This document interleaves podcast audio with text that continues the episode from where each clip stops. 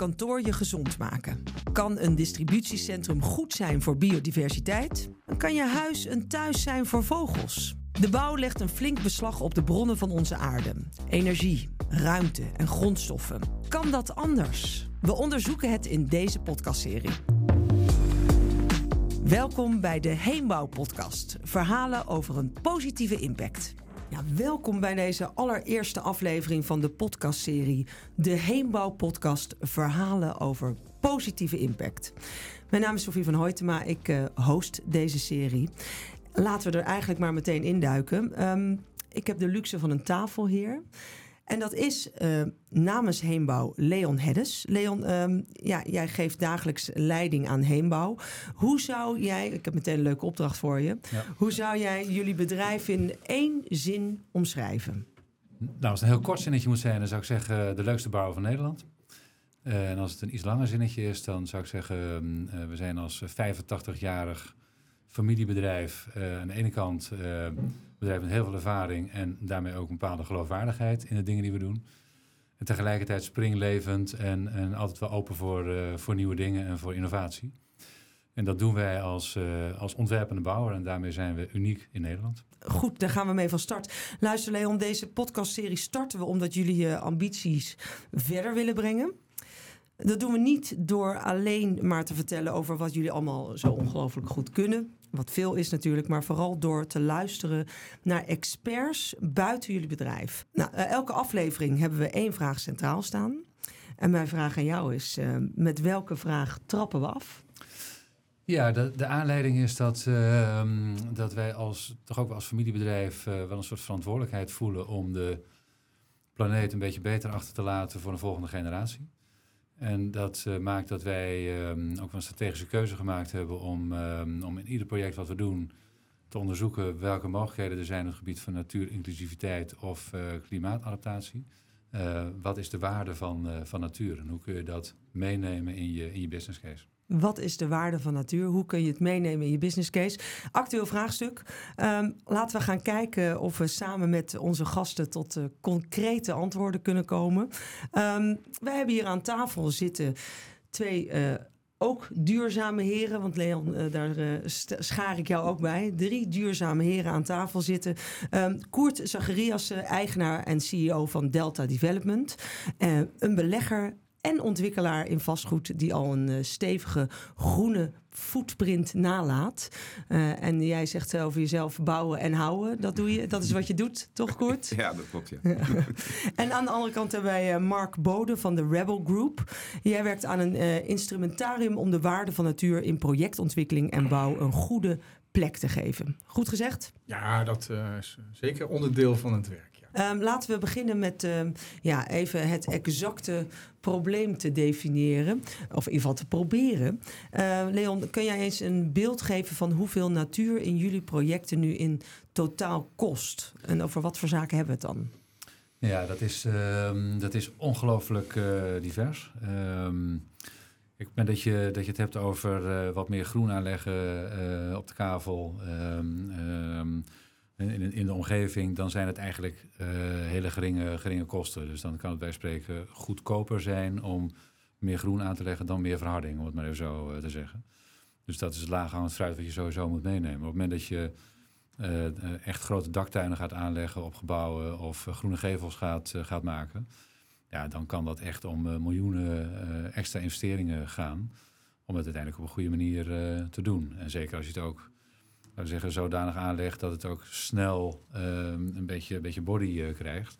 En een beetje serieuze volwassen bomen wil planten enzovoort. Ja, dan gaat het echt om hele grote, uh, grote bedragen. Grote investeringen. Ja. ja. ja. Mark? Ja, ja, dus je ziet volgens mij ook wel dat hoe, hoe dichter, hoe, hè, hoe, hoe hoe dichter bevolkt of hè, hoe, hoe, dichter bebouwd het is, hoe, hoe duurder de maatregelen vaak worden, omdat je het niet dan in de grond uh, kan, kan oplossen, zeg maar. Dus dat is vaak wel een uh, complicerende factor. Hè. Dus uh, wanden en, en daken, groene daken, ja, zijn relatief kost, kostbaar. Eh, en het scheelt als je het vanaf het begin af aan wel uh, meeneemt. Hè? Als je het achteraf moet doen, dan is het ook een stuk uh, kostbaarder. Dus ja, dat, dat zie je wel. En, Koert, ik zie... Ja. Nee, maar, het, het, het, je ziet ook echt, als je het inderdaad, precies wat je zegt, als je het van begin af aan meeneemt, en zeker als je wat meer naar gebiedsontwikkelingen gaat kijken, en je, je gaat kijken, wat kan ik dan met die natuur doen? Bijvoorbeeld, nou ja, kan ik met groene daken bijvoorbeeld een extra stuk retentiecapaciteit voor water opnemen, waardoor ik bijvoorbeeld juist wat meer zou kunnen bouwen op hetzelfde oppervlak, zonder dat dat een probleem wordt kan ik bijvoorbeeld planten gebruiken in mijn, uh, in mijn, uh, om bijvoorbeeld grijs water te filteren? Kan ik met waterpartijen ja. uh, iets doen als met een buffer bijvoorbeeld voor een, een WKO om, om die te balanceren? Dus er zijn allerlei mogelijkheden die je kan doen waarbij je systemen op een natuurlijke manier gaat invullen. En die de facto eigenlijk gewoon besparingen opleveren. Maar dat vraagt wel dat je van meet af aan het niet er als een plakkertje bovenop gaat doen, ja, maar integraal ontwerpt. En dat is best nog ingewikkeld, omdat je ziet dat in een traditionele manier waarop we in Nederland ontwikkelen, dan zie je gemeente gaat dan een bedrijventerrein maken. Nou, die gaat dan verdelen in kabeltjes. Die gaat zelf de openbare ruimte doen. En dat is dan toch vaak een beetje een sluitpost. Nou, dan gaat ontwikkelaar ABC gaat zijn dingetje doen. De een wat, wat meer of uh, wat beter dan de ander. Maar de kans wordt gelijk gemist als je in het begin integraal zou kijken naar zo'n gebiedsontwikkeling. Mhm. Dan kan je die voordelen veel beter doen. En dan is eigenlijk um, um, de kostenpost valt heel erg mee. En ik geloof heel erg in een gebied met een goed landschap, goede natuur, dat je de gebouwen wat simpeler kan maken. Omdat ik denk dat de uitstraling van het gebied veel beter is. En als je, als je die balans zoekt op gebiedsniveau, is, is de rekenpost helemaal niet zo ingewikkeld. En bij wie ligt die verantwoordelijkheid dan om dat in het begin mee te nemen? Nou ja, ik denk dat uiteindelijk de gebiedsontwikkelaar daar toch, toch de hele belangrijke regisseur zit. En daar zie je natuurlijk wel gelijk een probleem zitten hoe we in Nederland georganiseerd zijn. Want voor je het weet lopen we aan tegen dingen als een Didam-arrest, waarbij een gemeente uh, ineens weer niet meer met één ontwikkelaar mag praten, maar dat allemaal netjes getenderd moet worden. En in alle uh, goede bedoelingen om dingen netjes en zuiver te doen, missen we gewoon de mogelijkheid om echt integraal te ontwikkelen. En het vertrouwen met elkaar om eens een keer iets anders te doen, gaat er geleidelijk ook aan. Want iedereen doet een soort cover your ass mentaliteit. uh, neemt een incrementeel stapje, maar uh, echt veranderen doen we niet. En dat zie je uh, eigenlijk op heel veel schalen. Hè? Dus dat je, als je de, die, die natuurinclusiviteit echt grootschalig een, een boost wil geven, ja, dan gaat het ook om gebiedsontwikkelingen bijvoorbeeld dan moet je dat met elkaar doen. Hè? Dus het heeft geen zin dat je als enige ontwikkelaar alleen één pand uh, groen, uh, groen ontwikkelt. Dat kan vaak, uh, ten eerste kan het er niet altijd uit. Ten tweede, je realiseert ook best veel baten die bijvoorbeeld voor een waterschap positief zijn. Hè? Dus als je zelf je waterhuishouding organiseert bijvoorbeeld, ja, dan helpt het als een waterschap ook aan boord is. En een gemeente voor, voor de riolering. Dus zo moet je het eigenlijk met elkaar oplossen. En dat zou je in een gebiedsontwikkeling bij uitstek moeten doen. Ja, en dan kan de wetgeving soms wel inderdaad in de, in de weg zitten. Het zit ook wel nog wel tussen de oren dat we nog wel wat, toch ook wel klassiek naar een, eh, naar een gebied kijken. Uh, van, ja, als er dan ergens een gebied wordt ontwikkeld, wordt eigenlijk eerst alle natuur weggehaald. En vervolgens moet je weer heel veel moeite doen om die natuur toe te voegen. Terwijl je kan ook kijken van wat staat er nu en hoe kun je daar in je planvorming omheen uh, ontwikkelen. En de, de juiste vraag moet dus gesteld worden aan de ontwikkelaars van de, wat kunnen we ermee en wat gaan we ermee doen? Uh, ja, ook. En, en ik denk dat wat we nu bij Heenbouw ook doen, is dat we vanaf de allereerste begin al een ecoloog aan tafel hebben. En dan krijg je toch echt wel een ander perspectief op, het, uh, op de kavel en de hele, en de hele ontwikkeling. En dan, dan is natuur wel opeens een onderdeel van de, van de ontwikkeling. Ja. En dan kun je alsnog besluiten dat er stukken weg moeten. Maar dan kun je wel kijken, kan ik dat slim compenseren ergens? Ja. Dus, voordat we, want we, we, duiken er al meteen lekker diep in. Want ik wil eigenlijk uh, nog even naar jou, Mark. Mm. Uh, want jij, we, wat is de waarde van natuur? Daar hebben we het eigenlijk over vandaag. Jij werkt aan instrumenten om de waarde van natuur inzichtelijk te maken uh, voor bouwers en ontwikkelaars. Wat bereken je dan? Ja, we berekenen veel, uh, vrij veel dingen door. Uh, uh, overigens is het niet zo dat we alleen maar aan die, aan die harde kant van de waarde rekenen, zeg maar. Wij, wij, vinden het ook heel belangrijk om te laten zien, bijvoorbeeld, hoeveel dieren je kunt, kunt toevoegen aan een gebied. Hè, en hoeveel bedreigde diersoorten weer een plek kunnen krijgen. En dat, dat laten we ook zien. Hè. Dus in plaats van hele dikke rapporten van een ecoloog, maken we daar grafieken van. Of, en dan spreken we wat meer de taal ook van de, van de beleggers en de ontwikkelaars. Om, om gewoon in één oogopslag te zien wat doet dat eigenlijk met die natuur? Dus dat is, vind ik ook eigenlijk een instrument. En dat draagt heel erg bij, wat mij betreft, ook aan de intrinsieke motivatie. Hm. van, daar begint het eigenlijk mee. Van, wil je ook met die natuur gaan ontwikkelen? Want als je het niet wil en je doet het alleen voor de business case, ja, dan wordt dat heel, heel ingewikkeld. Ja, precies. En dan is toch iedere keer gaat het weer over die, over die kosten, zeg maar.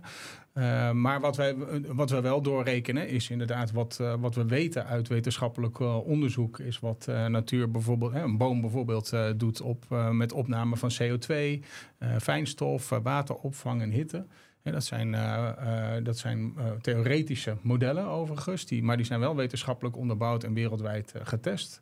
en, en wij gebruiken die modellen eigenlijk ook als rekenmodellen. En we kijken vervolgens heel gestructureerd, want je hebt een aantal algemeenheden zeg maar, van waarden die, die, we door kunnen rekenen. Dus, dus wateropvang en hitte en uh, arbeidsproductiviteit kunnen we ook vrij aardig inschatten op een bedrijventerrein bijvoorbeeld. En daarna kijken we heel specifiek naar wat is, uh, wat is er aan de hand in de omgeving? Welke urgentie zit daar? En dan kan het zijn dat het uh, klimaatadaptief bijvoorbeeld heel veel wateroverlast is. Nou, dan kun je groen dermate aan gaan leggen dat je heel veel water gaat opvangen. Heb je een probleem van veiligheid, dan kun je kijken van kun je het groen dermate ontwerpen dat het een veiligere situatie wordt. En zijn er dan budgetten voor bijvoorbeeld vanuit de gemeente? Nou, zo kijken we eigenlijk steeds per, per per omgeving, zeg maar, wat, uh, wat de waarde op dat moment is uh, van, uh, van de natuur. En dat begint dus intrinsiek. vervolgens kijken we naar de effecten die het heeft. En van die effecten kijken we van, is dat dan in euro's uit te drukken of niet? kun, kun je zeggen wat, wat groen doet voor arbeidsproductiviteit? Ja, ja, zeker. Dat, uh, nou, we hebben uh, een aantal jaren geleden hebben wij voor uh, Herema hun nieuwe kantoor gemaakt in, in Leiden. We hebben toen een, een, een, meting gedaan. Eerst in het oude gebouw hebben we de Leesman-index gebruikt. Leesman is, een, is een, eigenlijk een, een, een, een tool die jouw arbeidsproductiviteit meet. Dus dat is eigenlijk een, een vragenlijst. Hoe ervaar jij de productiviteit van je eigen werkplek? Er zijn een stuk of honderd vragen. Nou, als één iemand dat doet, is dat natuurlijk hartstikke subjectief. In dit geval waren het er duizend. En dan kan je, heb je een redelijk statistisch accuraat beeld over... jongens, wat vinden mensen nou goed en wat vinden ze niet goed? Nou, een van de dingen eruit van... goh, we missen eigenlijk groen. Dat vond ik al een, eh, een interessante. Er waren nog een x-aantal dingen. We hebben het nieuwe gebouw ontworpen met die input. En vervolgens zijn we zes maanden na uh, oplevering... hebben we weer dezelfde questionnaire gedaan. En dan zie je die twee scoorden heel verschillend. En wat we daarna hebben gedaan, toen hebben we uh, aan KPMG, die de huisaccountant van uh, Herema was, hebben gevraagd van kunnen jullie nu dat verschil in die productiviteit in geld uitdrukken? Nou, daar hebben ze een aantal van hun integrated uh, accounting tools voor gebruikt. En daar kwam een rapport uit. En daar bleek dat gedurende de huurperiode van Herema de netto contante waarde van de toegenomen productiviteit was 42 miljoen. Op een huursom van, nou toen 4 miljoen. Dus dat was mijn conclusie. Je zit voor tien jaar voor niks. Dat, uh, nou, de, de CFO zag dat iets genuanceerder. En dat snap ik ook wel. Maar um, wat je dan ziet is, omdat je het ineens in euro's gaat uitdrukken... omdat KPMG er in dit geval bij zat... een serieuze analyse hadden gemaakt... en het hun eigen mensen waren die gezegd hadden hoe, uh, hoe het zat... dat die dan toch rechtop ging zitten. En dat je ineens een discussie hebt... en dat mensen die waarde gaan zien... En dat, dat vond ik ontzettend waardevol. Want dan, dan ga je toch iets, iets zachts, ga je dan in geld uitdrukken. Nou ja, ik, ik ben zelf ooit een keer als registeraccountant opgeleid. En dan denk je, gos, ja, we spreken met elkaar, gaan we een jaarrekening maken. En dat zou dan zogenaamd een getrouwbeeld van vermogen en resultaat geven. Maar als ik linksboven op de activa zijde van de balans ga kijken, is de allereerste post die ik tegenkom is immateriële activa. Dingen als goodwill en dat soort dingen. Nou, dat is zo zacht als je maar kan, uh, uh, maar wil. Maar goed, daar hebben we met elkaar bepaalde rekenregels voor afgesproken. Zo gaan we het doen. Iedereen is rustig. Waarom zou je het niet voor bredere dingen kunnen doen? Dus ik geloof heel erg dat de ontwikkeling dat de kans om dit te doen ligt hem in het ontwikkelen van veel meer integrated accounting tools, het, het, het nadenken en het kunnen waarderen op een bepaalde manier. En het passend krijgen binnen het economisch systeem. Want daar ligt de echte uitdaging van, van dit soort vraagstukken. Ja. Mark, um, een gebouw heeft een binnen- en een buitenzijde. Je hebt binnengroen en buitengroen. wat heeft nou de grootste invloed op de beleving van gebruikers van een kantoorpand of een distributiecentrum?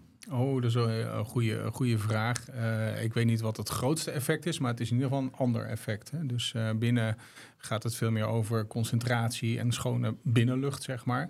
En buiten gaat het ook over het aangezicht en uh, de waarde die, uh, die je brengt aan de omgeving. Onder andere voor de natuur in de buiten, buitenruimte. Dus die functies zijn, zijn, zijn vooral anders. Dus, en en ik de denk waarde dus dan ook? En de waarde, die waardecomponent is dus ook anders. Ja, kosten zijn anders, baten zijn anders. Ja, het is eigenlijk een wat dat betreft een iets ander verhaal. Alhoewel ik wel denk dat je in je ontwerp wel steeds meer toe kunt gaan naar echt een volledig uh, integraal ontwerp. Waarbij je die beleving die je buiten hebt binnen, binnen voortzet en dat het elkaar versterkt. En dat je zorgt voor zichtgroen, et cetera. Dus uh, daar, daar is denk ik nog wel heel veel in te doen. Want die markten zijn ook in de groenwereld heel erg gescheiden van elkaar. Hè? Dus de, de hovenier zal nooit de binnen, binnen, uh, binnengroen doen. Wat is jouw ervaring ermee, Koert? Ja, precies wat Mark zegt. Het zijn inderdaad verschillende dingen die je doet. Binnen merk je dat heel duidelijk. Die, dat groen heeft een effect op de psyche van mensen. Uh, het, het, kan een rol spelen in, uh, in temperatuur, vochtigheid, in uh, het binden van fijnstof of VOC's. Ehm, en, ehm, en het heeft echt altijd een wow-effect. Op een of andere manier, als je daar een grote groene wand binnen zet. je pakt een atrium en je loopt er binnen en iedereen gelijk, wauw. Het geeft echt een soort psychologische boost die denk ik heel waardevol is. Uh, en buiten, dan zit je inderdaad veel meer te denken aan ja, de, de, de uitstraling, biodiversiteit, uh, uh, isolatie kan het, kan het betekenen, waterretentie. dus er zijn het inderdaad wat andere dingen. Het zijn ook echt wel twee verschillende werelden. Maar je ziet natuurlijk weet je, de waarde van gebouwen. En zeker, er zit hem eigenlijk in de mensen die erin werken. als ik een kantoorgebouw heb waar duizend man werkte, dan is de huursom misschien 3, 4 miljoen. Mm -hmm de loonsom is 50 miljoen. Ja. En de omzet per werknemer is waarschijnlijk 300 miljoen. Ja, ja, of, is, is, of sorry, is, is, uh, de, de omzet die ze met, met elkaar maken van zo'n bedrijf is misschien wel 300 miljoen.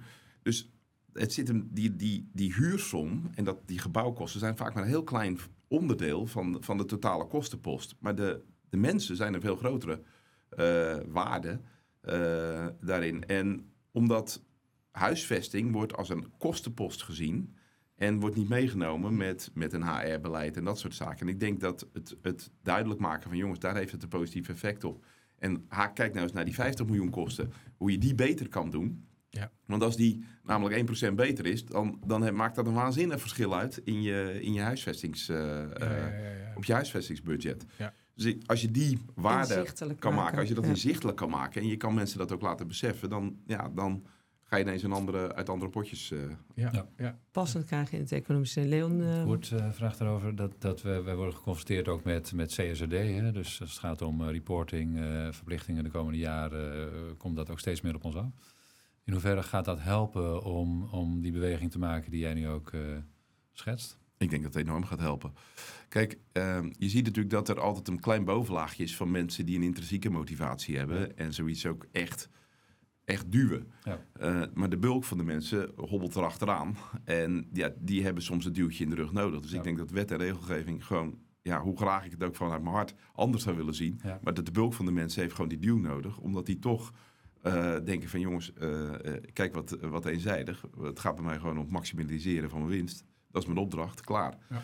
En dat wettelijk kader, dat duwt gewoon en zet, zet er anders. Ik denk dat het gewoon hard nodig is. Ja, en die, ja, dat kan zeker helpen ook. Uh, en, zowel qua reporting, zeg maar, hè, maar ook dat het wat uh, ja, soort van guiding principles geeft. Hè. Dus heel vaak ook in natuur weten mensen ook helemaal niet waar ze naar moeten kijken. Hè. Dus uh, zeker niet als je niet intrinsiek in gemotiveerd bent, dan duik je er ook überhaupt niet, niet in. En nu word je er wel gedwongen om je erin te gaan, erin te gaan verdiepen. Om intrinsiek gemotiveerd te zijn. Nou ja, en, ja, ja, maar en, en dat het gewoon common practice wordt ook straks. Is dat allemaal niet meer zo, zo ingewikkeld waarschijnlijk. Dus, um, ja, want, want de, en dat hoor je ook nog wel, dat, die, dat level playing field, zeg maar, dat is best nog wel ingewikkeld. Hè? Dus soms zie je tender uitvragen, ja, die, die, die schrijven dan uh, allemaal vogelkastjes uh, op of zo. Heel super gedetailleerd.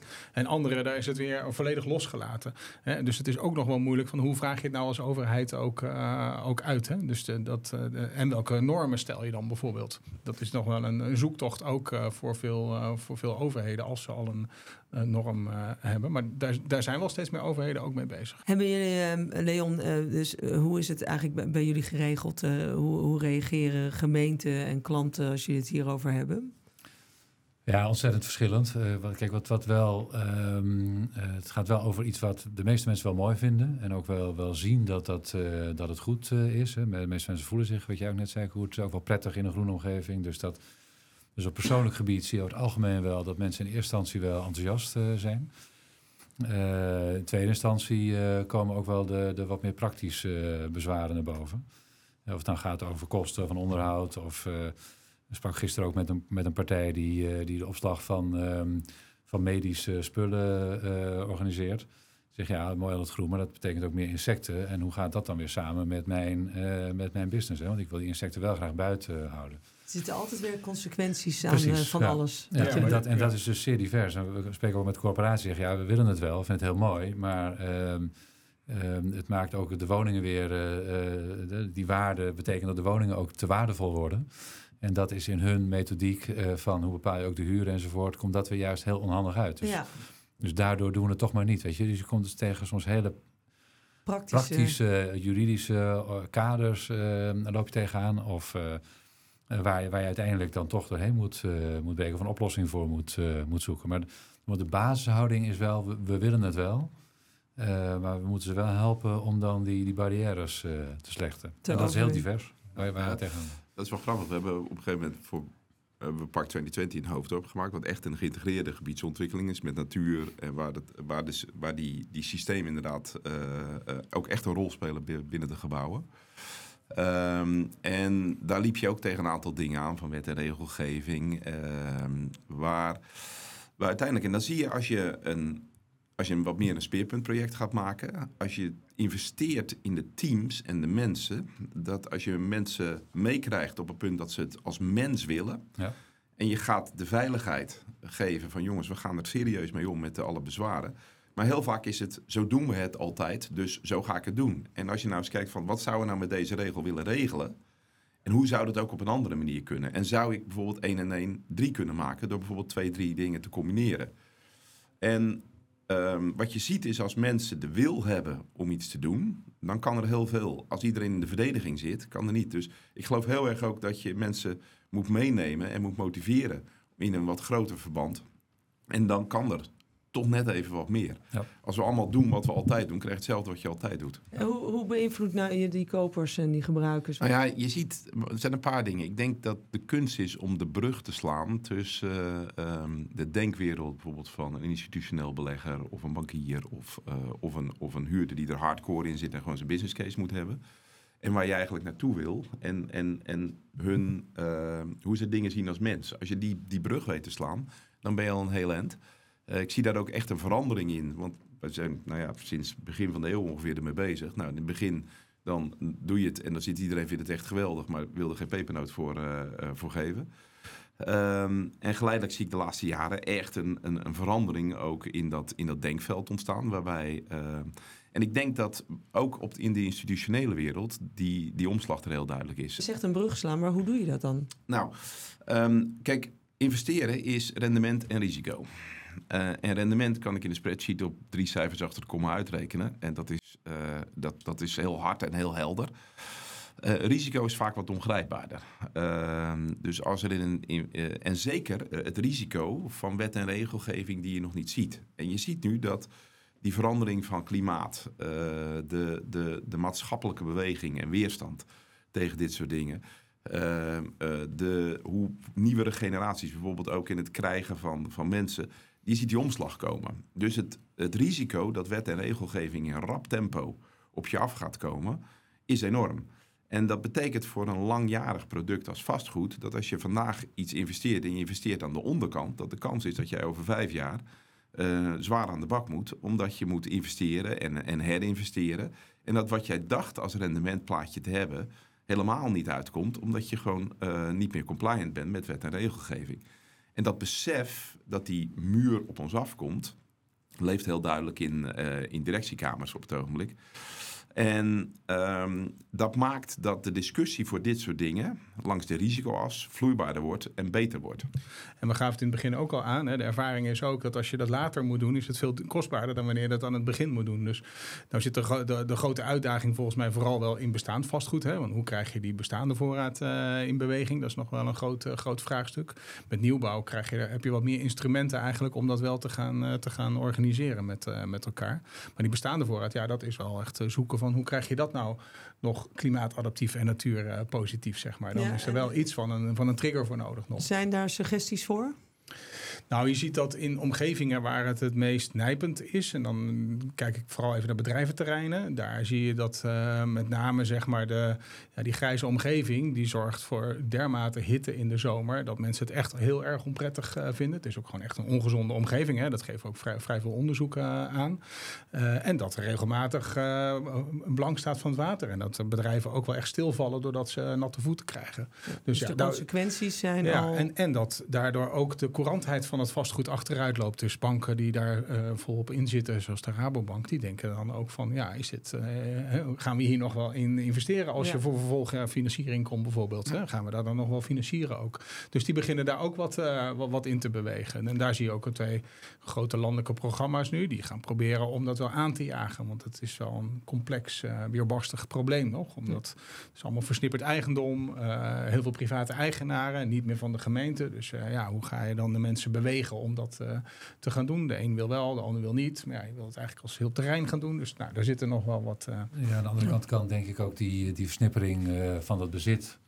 kan ook een voordeel zijn. Want, want als er maar twee zijn die er gewoon wel in geloven en die het gaan doen... Je ziet het wel direct, hè? dus het, is, het, is, het, effect is direct waarneembaar. Um, en als het, kan daarmee ook wel andere partijen stimuleren om ook iets te doen. Omdat ze wij spreken alleen al merken dat die, uh, die partij wel aan uh, nieuw personeel komt en zij niet. Dus, dus je kunt het allemaal helemaal groot maken en een hele grote beweging maken. Dat duurt jaren.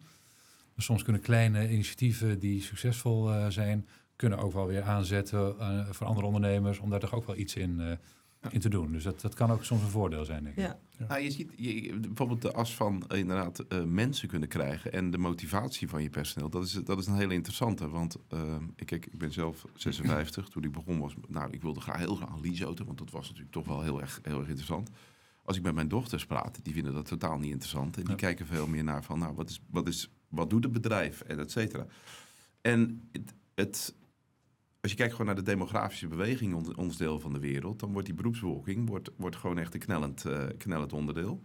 We zijn bijvoorbeeld met Levi's bouwen wij uh, in, in Duitsland een, een nieuw DC. Daar moeten 700 nieuwe mensen geworven worden. Er zit 3,5 hectare groen dak op. We hebben zwaar in de tuin en het groen helemaal geïntegreerd ook in het gebouw. En voor hun is het echt een tool om mensen te werven. En je ziet dat ze mensen uitnodigen in het gebouw. En dat dat echt helpt om mensen mee te krijgen. En op het ogenblik, met die, met die krapte op de arbeidsmarkt, is dat echt een, echt een belangrijk gegeven. Dus mensen zien ineens toch wel de waarde daarvan. Dus ineens, uh, en dan is het inderdaad niet in, in, geld uitgedrukt, maar is het gewoon uit, uh, ja, mensen willen er graag komen werken. Uh, je trekt eigenlijk mensen aan daardoor. Hoe, hoe, overtuigen we die CFO daarvan dan? Nou ja, um, die CFO die werd in dit geval toch wel vrij zenuwachtig of hij überhaupt zijn mensen kon krijgen om zijn operatie te draaien. Ja. Dus um, ik denk, en als je kijkt naar um, uh, het belang en, en, en de druk die er toch ligt op het invullen van vacatures op een aantal punten, zeker ook in de logistieke sector.